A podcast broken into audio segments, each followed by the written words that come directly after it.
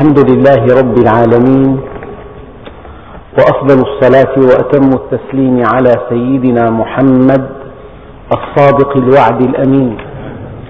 اللهم لا علم لنا إلا ما علمتنا إنك أنت العليم الحكيم. اللهم علمنا ما ينفعنا وانفعنا بما علمتنا وزدنا علما. وأرنا الحق حقا وارزقنا اتباعه.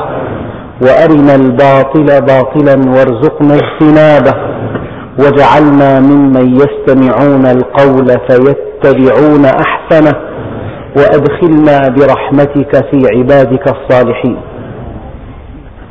أيها الإخوة المؤمنون مع الدرس الثامن من سورة النحل وصلنا في الدرس الماضي إلى قوله تعالى وقال الذين أشركوا لو شاء الله ما عبدنا من دونه من شيء.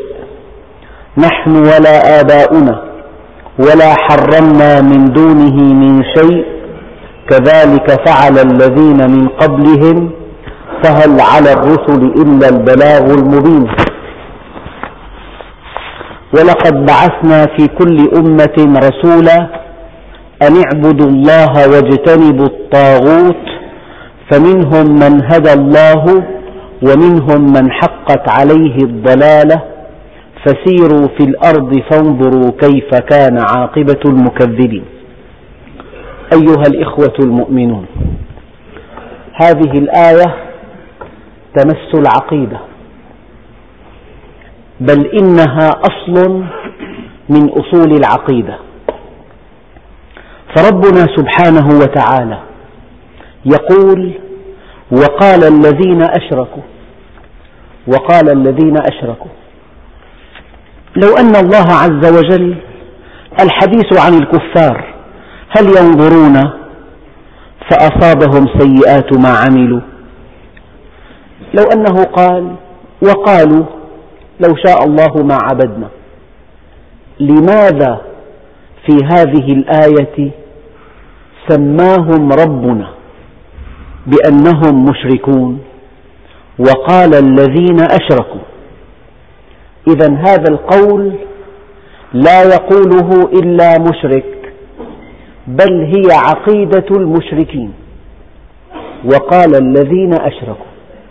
فمن اعتقد بهذا القول فهو مشرك.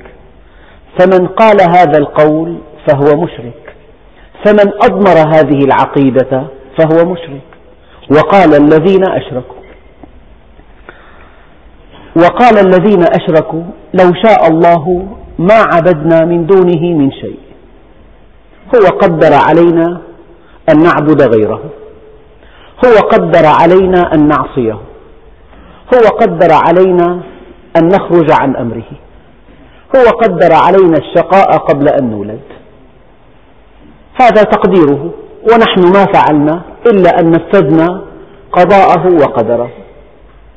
وقال الذين أشركوا لو شاء الله ما عبدنا من دونه من شيء. أما كلمة لو شاء الله يجب أن نقف عندها وقفة لأن كلمة المشيئة خطيرة جدا. إذا ظن الإنسان أن الله عز وجل شاء للكافر أن يكون كافرا فلم أمره أن يؤمن؟ ولم أمره أن يطيعه؟ أولا من الآيات الموضحة لمشيئة الله قوله تعالى فمن شاء اتخذ إلى ربه سبيلا وما تشاءون إلا أن يشاء الله. وما تشاءون إلا أن يشاء الله. إذا في هذه الآية مشيئة العبد ومشيئة الرب. مشيئة العبد مشيئة اختيار. الإنسان مخير. في دائرة كبيرة في حياته هو مخير. ربما قال قائل إنه ليس مخيرا. في أشياء وهذا صحيح. لماذا ولد من هذا الأب ومن هذه الأم؟ وفي هذا الزمان وفي هذه المدينة. المكان والزمان والأب والأم هذا لا, لا علاقة له به. لا دخل لاختياره فيه. لكن علماء التوحيد يؤكدون أن القدر القضاء الذي يقع عليك والذي لا دخل لإرادتك فيك فيه هو لصالحك. الإيمان بالقدر يذهب الهم والحزن. كل شيء وقع على العبد من دون أن تكون له جريرة به أو اختيار بتحقيقه هو لمصلحته لأن الله سبحانه وتعالى يقول قل اللهم مالك الملك تؤتي الملك من تشاء وتنزع الملك ممن تشاء وتعز من تشاء وتذل من تشاء بيدك الخير. العطاء خير والمنع خير والعز خير والذل خير. إنك على كل شيء قدير. من أبسط معاني القضاء والقدر مع أن النبي عليه الصلاة والسلام نهانا عن أن نخوض في القضاء والقدر. وفي بعض الأحاديث الشريفة أن هذا الموضوع ترك لشرار أمتي نهانا عن أن نخوض فيه. هو سر من أسرار الله سبحانه وتعالى. سيأتي يوم هو يوم القيامة يكشف للإنسان سر القضاء والقدر. لو كشف الغطاء لاخترتم الواقع. فكشفنا عنك غطاءك فبصرك اليوم حديد. وآخر دعواهم أن الحمد لله رب العالمين. فالقضاء هو الحكم والقدر هو التقدير. فالطبيب إذا حكم على هذا المريض أن في معدته التهاب يمنع عنه الطعام المخرش.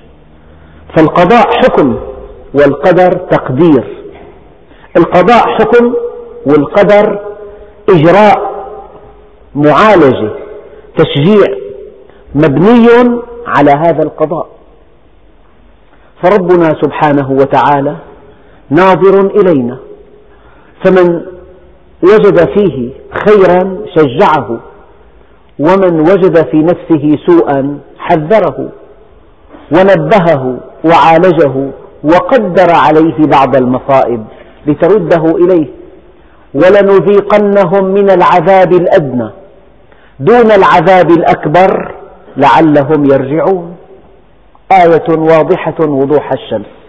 ولنذيقنهم من العذاب الأدنى. كل عذاب الدنيا العذاب المادي الأمراض الفقر القهر كل أنواع العذابات في الدنيا. عذابات سماها الله عز وجل العذاب الأدنى. دون العذاب الأكبر وهو عذاب الخلود في النار لعلهم يرجعون. فإذا رجعت إلى الله عز وجل طواعية بمبادرة منك فلماذا العذاب؟ قال تعالى: قل ما يفعل الله بعذابكم إن شكرتم وآمنتم. فالقضاء هو الحكم والقدر هو التقدير. نظر الطبيب إلى حالة المريض فرأى في المعدة التهابا حادا. هذا هو القضاء. أما القدر, القدر أمر الطبيب من في المستشفى أن يمنعوا عنه كل طعام مخرش وأعطاه أعطى تعليمات للممرضة أن تطعمه الطعام الفلاني. فالقضاء حكم والقدر معالجة. فالذي يقول لو شاء الله ما عبدنا لله مشيئة وللعبد مشيئة. مشيئة العبد مشيئة اختيار ومشيئة الحق جل وعلا مشيئة فحص واختبار. بأبسط مثل لو أن طالبا نال علامات دنيا وقدم طلبا إلى رئاسة الجامعة كي يدخل كلية الطب. هذا الطالب اختار هذه الكلية. شاء أن يكون طبيبا. ولكن إدارة الجامعة عندها أسس لا بد لكلية الطب من مجموع عال لأن الذي يتنطح لهذه المهنة يجب أن يكون ذا قدرات عالية في الرياضيات والفيزياء والكيمياء وذا مجموع مرتفع. فإدارة الجامعة لها مشيئة لكنها ليست مشيئة اعتباطية ليست مشيئة مزاجية إنما هي مشيئة العلم ومشيئة الحكمة. فهذا الطالب المقصر لا تشاء له إدارة الجامعة أن يدخل كلية الطب. مشيئة الإنسان مشيئة, فح... مشيئة حرية واختيار ومشيئة الحق جل وعلا مشيئة فحص واختبار. فمن شاء اتخذ إلى ربه سبيلا وما تشاءون إلا أن يشاء الله. الله عز وجل ينظر هذا الذي يطلب الجنة هل استقام على أمر الله؟ إن استقام على أمر الله يشاء له الجنة. هذا الذي طلب الجنة هل حرر دخله من الحرام؟ إن فعل ذلك شاء له الجنة. هذا المعنى الأول. فمشيئة مشيئة العبد مشيئة مختارة ومشيئة الرب مشيئة فاحصة من أجل أن تعطي كل ذي حق حقه هذا المعنى الأول. المعنى الثاني للمشيئة. الله سبحانه وتعالى قد يشاء شيئا ولا يرضاه. قد يشاء شيئا ولا يرضاه. فالأب مثلا حينما تلتهب الزائدة عند ابنه يشاء الأب أن يأخذه إلى المستشفى وأن يأتي الطبيب الجراح ويعمل مبضعه في جلد ابنه ويفتح البطن. وينفر الدم ويمزق الأنسجة ليصل إلى الزائدة إلى الزائدة كي يستأصلها. هل يريد الأب أن يرى ابنه في غرفة العمليات؟ وقد فتح بطنه وخرج الدم غزيرا من شرايينه ومزقت عضلاته. لا والله لا يشاء ذلك. ولكن حكمته تقتضي ذلك. فالله سبحانه وتعالى قد يشاء شيئا ولا يرضاه. ولا يرضى لعباده الكفر. ولا يرضى. لكن حكمته اقتضت هذه المشيئة. شاء ولم يرضى. أول فقرة مشيئة العبد مشيئة حرية واختيار. ولكن مشيئة الرب مشيئة فحص واختبار. الفكرة الثانية أن الله سبحانه وتعالى قد تتعلق حكمته بأن يسوق لهذا الإنسان مصيبة. قد تتعلق حكمته بأن يسوق لهذا الإنسان مصيبة. فيشاء له المصيبة ولكنه لا يرضاه لها لا يرضاها له لأنه خلقه ليسعده خلقه ليهتدي إليه. ولنذيقنهم من العذاب الأدنى دون العذاب الأكبر لعلهم يرجعون. من بعد الناس عن ربهم وانحرافهم عن, خط عن طريق هدايتهم وبعدهم عن طريق الجنة وانغماسهم في المحرمات والشهوات يسوق الله لهم من الشدائد.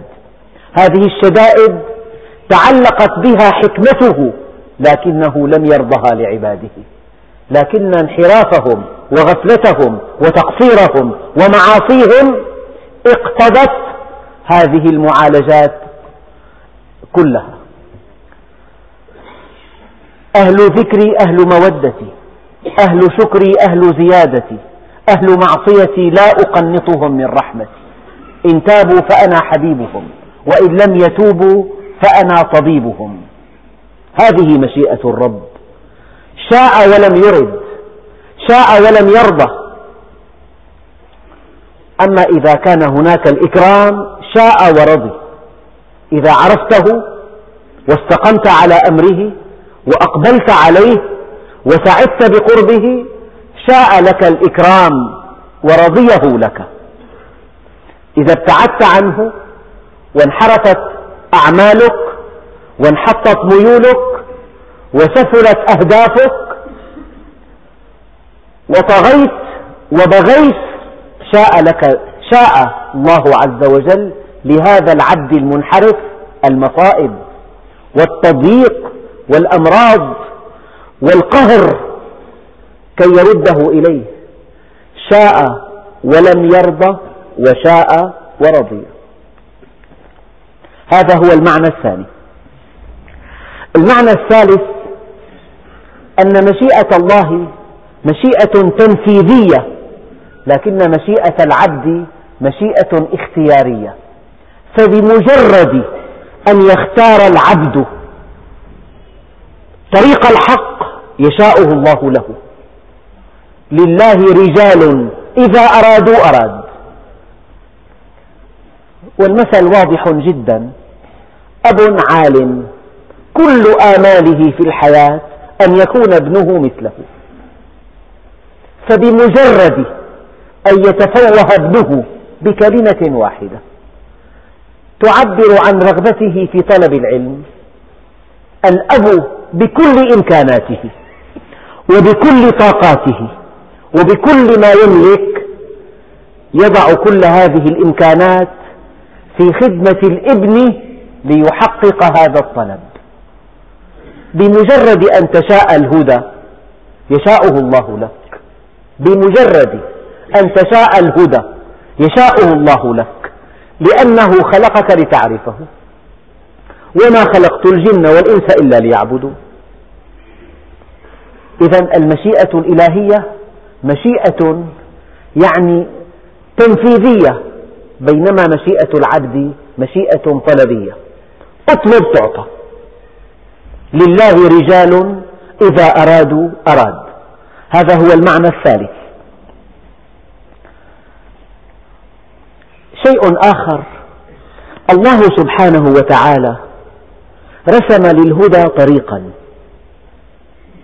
فأي عبد سار في هذا الطريق شاء له الهدى. وأي عبد حاد عن هذا الطريق حقت عليه الضلالة. المعنى دقيق جدا. يعني طريق أن تكون طبيبا معروف. الحكومة أي مواطن سلك هذا الطريق من الشهادة الثانوية إلى كلية الطب تابع السنوات كلها, كلها إلى أن تخرج يمنح شهادة الطب وترخيص بمزاولة مهنة الطب. لماذا شاءت, شاءت الجهات المعنية لهذا المواطن أن يكون طبيبا؟ لأنه سلك الطريق التي رسمتها الجهات المعنية لمهنة الطب.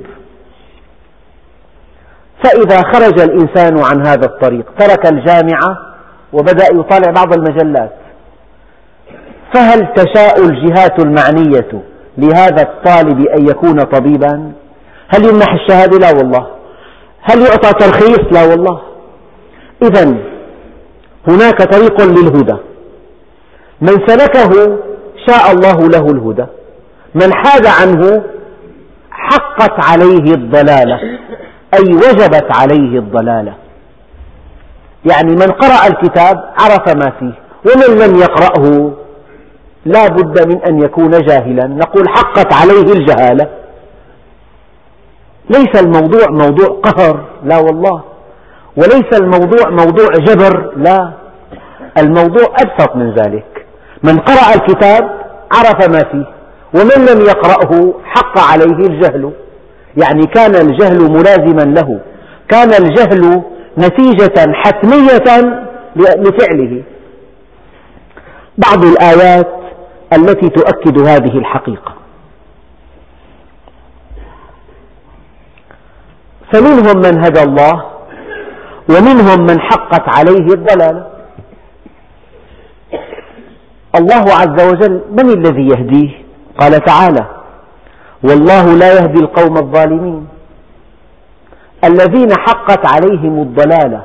لماذا حقت عليهم الضلالة؟ لأنهم ظالمون. والذين حقت عليهم الضلالة. لماذا حقت عليهم الضلالة؟ لأنهم فاسقون.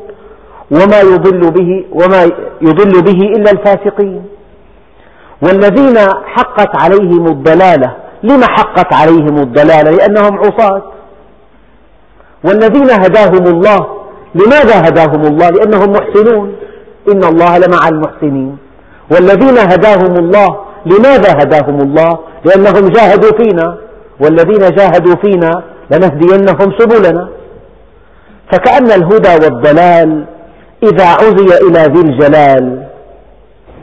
فبمعنى أن الهدى جزائي.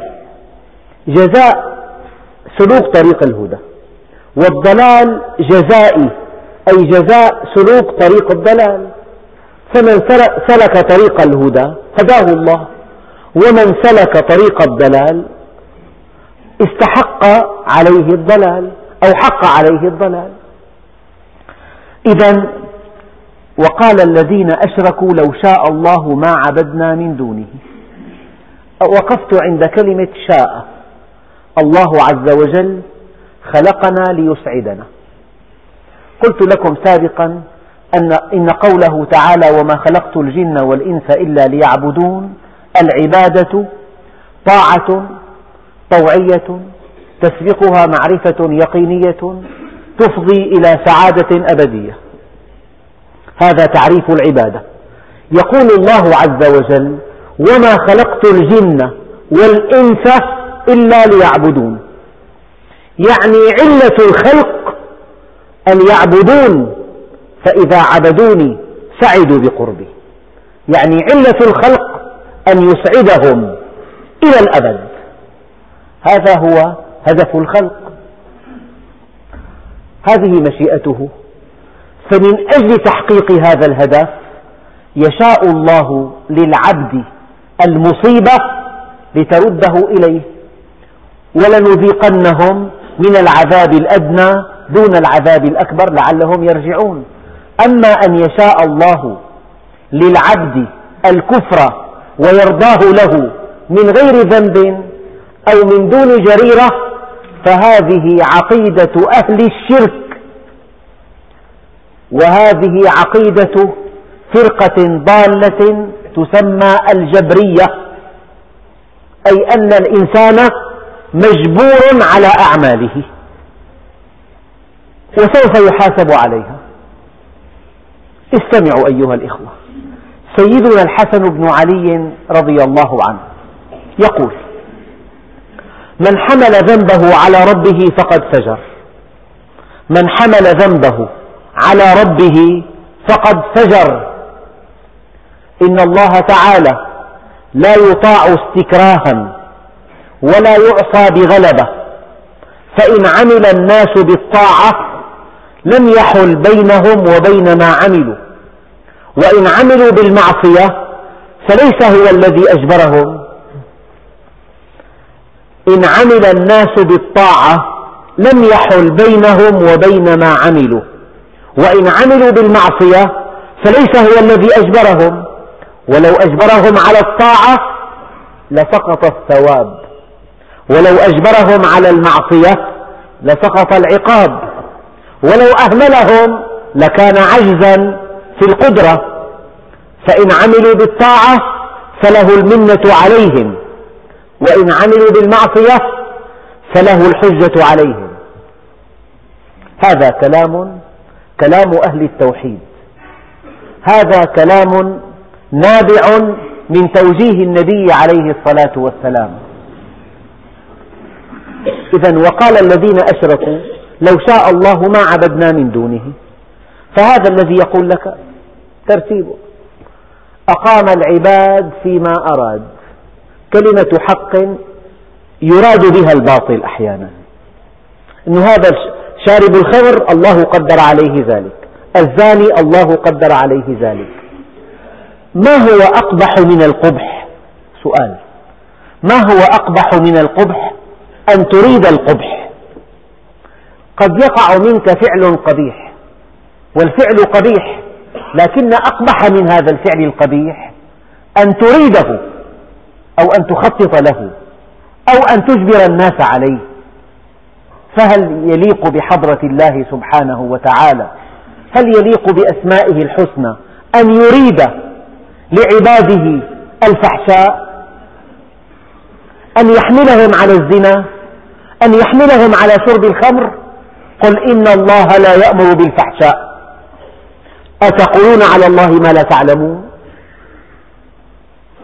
لا يقول بأن الله أجبر العصاة على المعصية إلا مشرك بنص هذه الآية. وقال الذين أشركوا لو شاء الله ما عبدنا من دونه من شيء. نحن ولا آباؤنا أجدادنا. هذه الأمم الضالة الله شاء لها ذلك. ولا راد لقضائه. كلام صحيح. لكن الله عز وجل لم يشأ لعباده الكفر. في سورة الأنعام آية مشابهة. وقال الذين أشركوا لو شاء الله ما أشركنا. ولا آباؤنا. ولا حرمنا من شيء. كذلك كذب الذين من قبلهم حتى ذاقوا بأسنا قل هل عندكم من علم فتخرجوه لنا إن تتبعون إلا الظن وإن أنتم إلا تخرصون. والخرص أشد أنواع الكذب وأقبح أنواع الكذب. شيء آخر المعنى الإيجابي أن الله سبحانه وتعالى شاء شاء أن يخلق الإنسان وفيه استعداد للهدى واستعداد للضلال. شاء أن يخلق الإنسان. وفيه استعداد للهدى واستعداد للضلال. كهذه السكين يمكن أن تقطع بها الخضار والفواكه ويمكن أن تجرح بها إصبعك.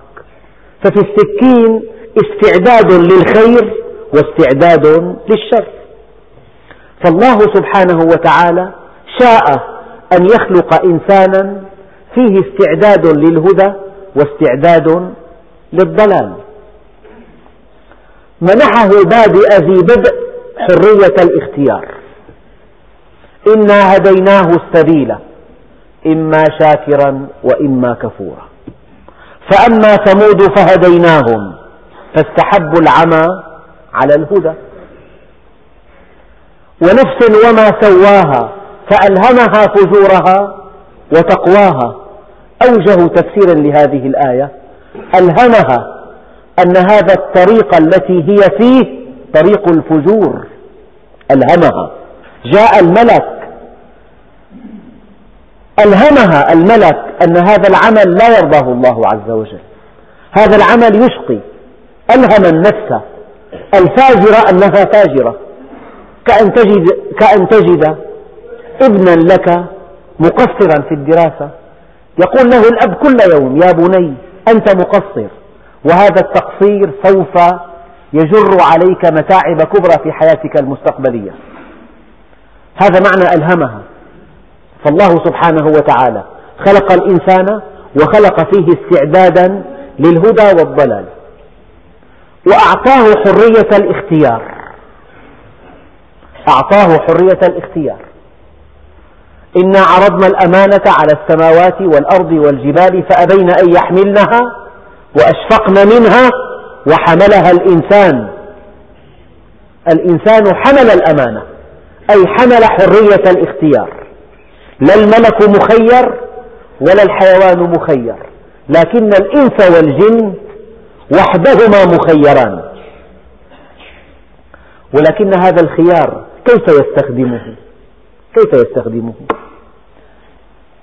من كرمه جل وعلا أنه زودنا بعقل نعرف به الخير من الشر والحق من الباطل والحسن من القبيح والنافع من الضار.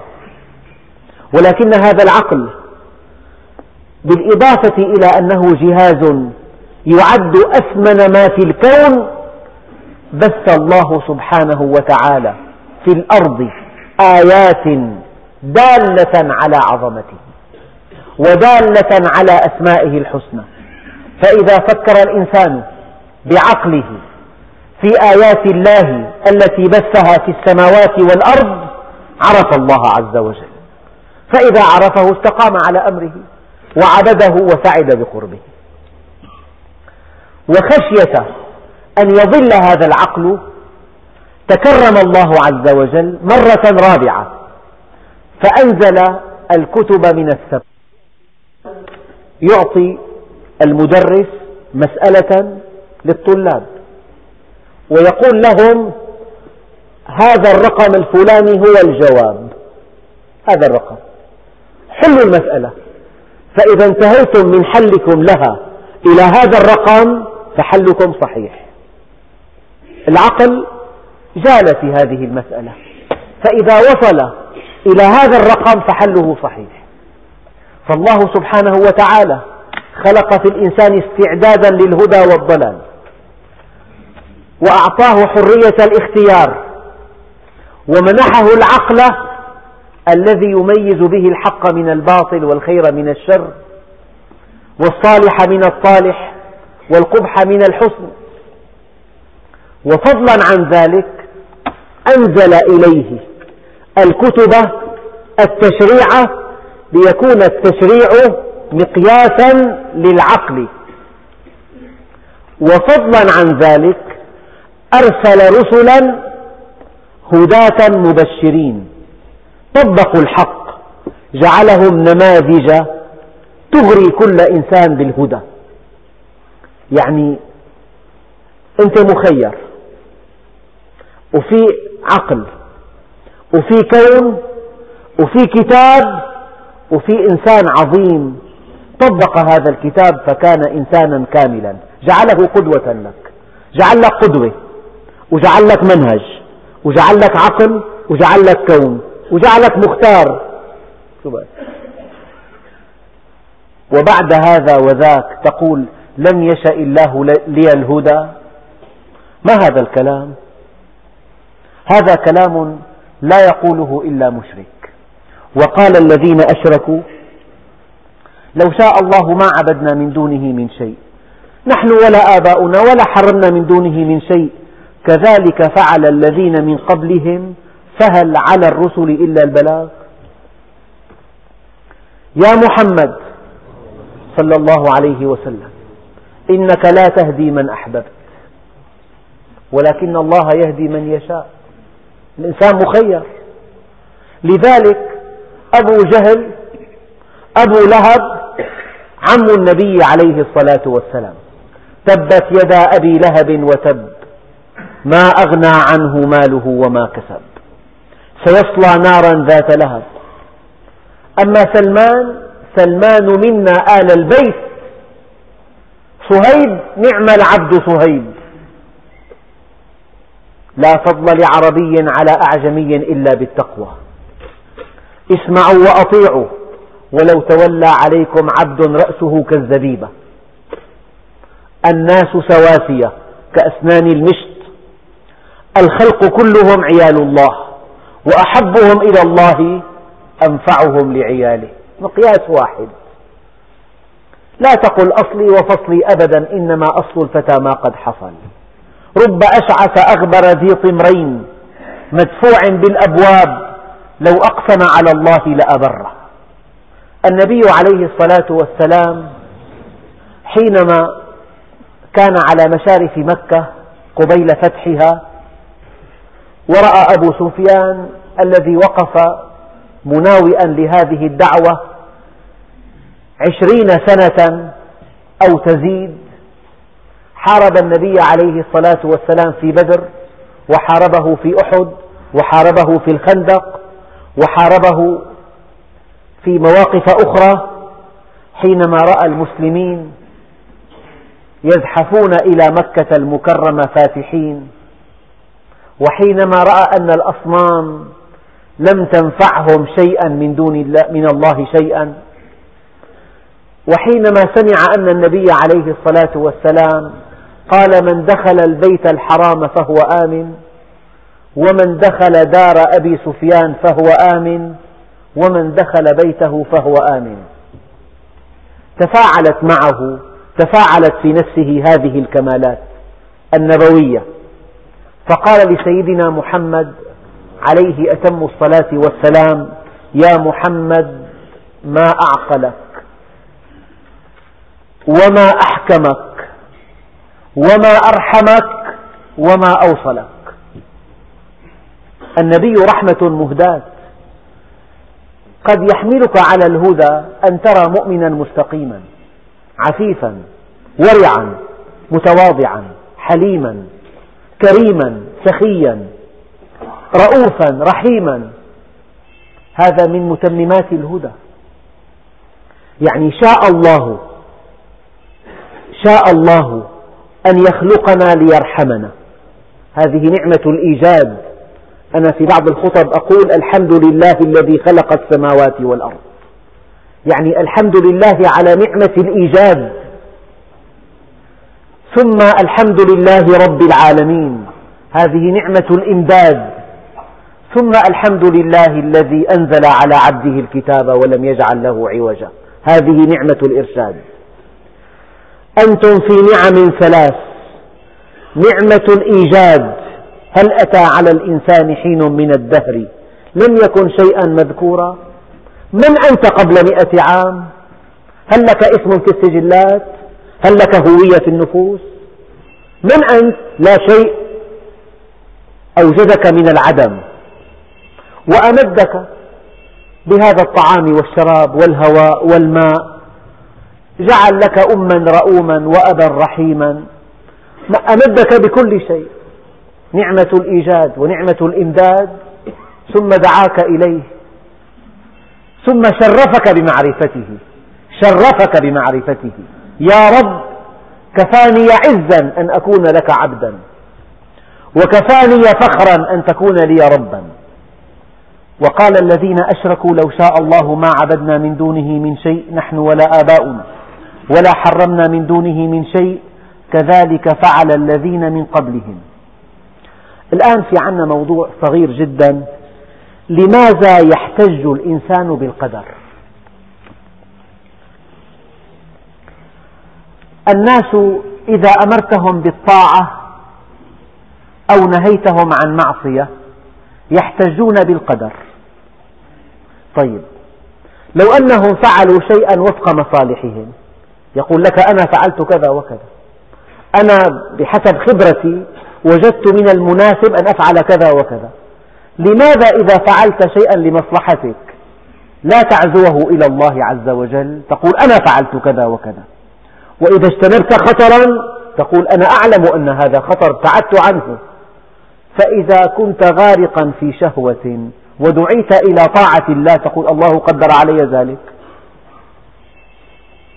هذا من التناقضات البشعة. إذا فعلت شيئا لمصلحتك تقول أنا فعلت كذا وكذا. وإذا ابتعدت عن شيء لمصلحتك تقول أنا ابتعدت عن كذا وكذا. فإذا دعيت إلى طاعة الله إذا دعيت لعمل صالح إذا دعيت لمجلس علم إذا دعيت إلى جنة عرضها السماوات والأرض تقول الله عز وجل لم يشأ لي ذلك لم يهدني بعد من قال لك ذلك؟ سيدنا عمر سيق له رجل شارب للخمرة. فقال هذا الرجل قبيل أن ينفذ فيه الحد والله يا أمير المؤمنين إن الله قدر علي ذلك. فقال رضي الله عنه أقيموا عليه الحد مرتين. مرة لأنه شرب الخمرة ومرة لأنه افترى على الله. قال له ويحك يا هذا إن قضاء الله لم يخرجك من الاختيار إلى الاضطرار. الله عز وجل جل وعلا عن أن يلزمك بمعصيته عن أن يجبرك على معصيته. بعض المشككين في عهد أبي حنيفة النعمان رضي الله عنه. سألوه أسئلة ثلاثة وكان فطنا ذكيا. قالوا له يا إمام كيف يقدر الله علينا المعصية ويحاسبنا عليها؟ وكيف نعبده ونحن لا نراه؟ وكيف نعذب يعذب الجن بالنار وهم من النار. أسئلة ثلاثة. رأوها حجة قاطعة. هكذا تروي بعض الكتب. ولست في صدد التثبت من هذه القصة. لكن لهذه القصة مغزى. قالوا الإمام أبو حنيفة أخذ حجرا أو كدرة من طين يابس ورمى بها أحدهم. فجش جبينه. هذا الرجل ذهب إلى القاضي ورفع أمامه قضية. طبعا قال أبو حنيفة للقاضي يزعم أننا نعبد الله ولا نراه فالألم الذي تألمت منه وحملك إلى أن تذهب إلى القاضي هل رأيته؟ قال لا ثم إنك إن كنت تعلم أن الله قدر عليك ذلك لماذا اشتكيت عليه؟ ألست من طين وهذه من طين فكيف تألمت بها؟ يعني أعطاه ثلاثة حجج إنك من طين وهذه من طين فكيف آلمتك والألم كيف كيف حملك على أن تشتكي علي وأنت وأنت لا ترى الألم؟ وإذا كنت قانعا أن الله قدر عليك ذلك لماذا شكوتني؟ يعني بصرف النظر عن مدى صحة هذه القصة القصة لها مغزى. الذي يحتج بالقدر هو العاصي. هو الذي يريد الدنيا. ويرفض الآخرة. يقول لك لم يشأ الله لي أن أصلي. لم يهدني الله بعد. الاحتجاج بالقدر حجة باطلة داحضة باتفاق كل ذي عقل ودين في العالمين. والمحتج بالقدر لا يقبل هذه الحجة من غيره. هذا الذي يقول لك الله قدر علي هذه المعصية. اضربه. يثور عليك. لماذا تثور علي؟ الله قدر عليك هذا.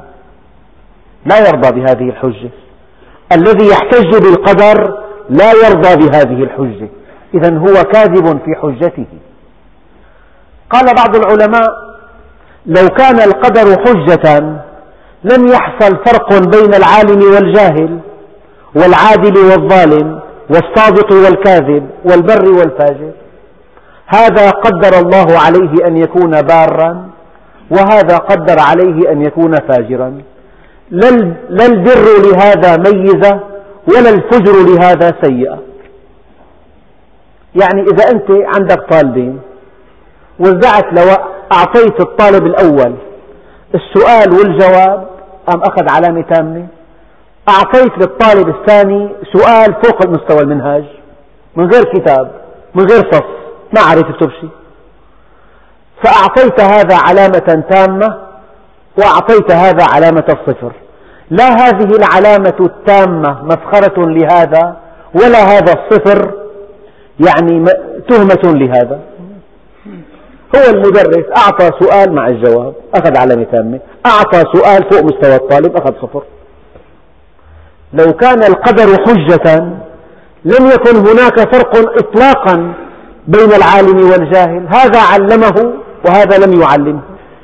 ولا بين العادل والظالم. هذا أجبره أن يكون عادلا فكان عادلا. وهذا أجبره أن يكون ظالما فكان ظالما. ولا بين الصادق والكاذب. ولا بين البر والفاجر. يعني إذا آمنت بأن الله عز وجل يفعل هذا ألغيت الدين كله وألغيت الرسل كلها وألغيت الكتب كلها. يا إمام أحدهم سأل الإمام عليا كرم الله وجهه. أكان مسيرنا إلى الشام بقضاء من الله وقدر وكأنه يعني القضاء اللازم. قال له ويحك؟ ويحك يا هذا؟ لو كان قضاء لازما وقدرا حاتما إذا لبطل الوعد والوعيد. ما بقى فيه. لبطل الوعد والوعيد. الوعد لماذا؟ يعد الله المؤمنين بالجنة. على ماذا؟ هو قدر عليهم أن يكونوا من أهل الجنة؟ لبطل الوعد والوعيد ولانتفى الثواب والعقاب. إن الله أمر عباده تخييرا ونهاهم تحذيرا وكلف يسيرا ولم يكلف عسيرا وأعطى على القليل كثيرا. ولم يعصى مغلوبا ولم يطع مكرها. ولم ينزل الكتب عبثا. ولم يبعث الأنبياء لعبا. لو أنك آمنت بعقيدة أهل الشرك هؤلاء وقال الذين أشركوا لو شاء الله ما عبدنا من دونه لكان, لكان إنزال الكتب لعبا. وإرسال الأنبياء لهوا. ولبطل الثواب والعقاب ولانتفى الوعد والوعيد ولتعطل كل شيء.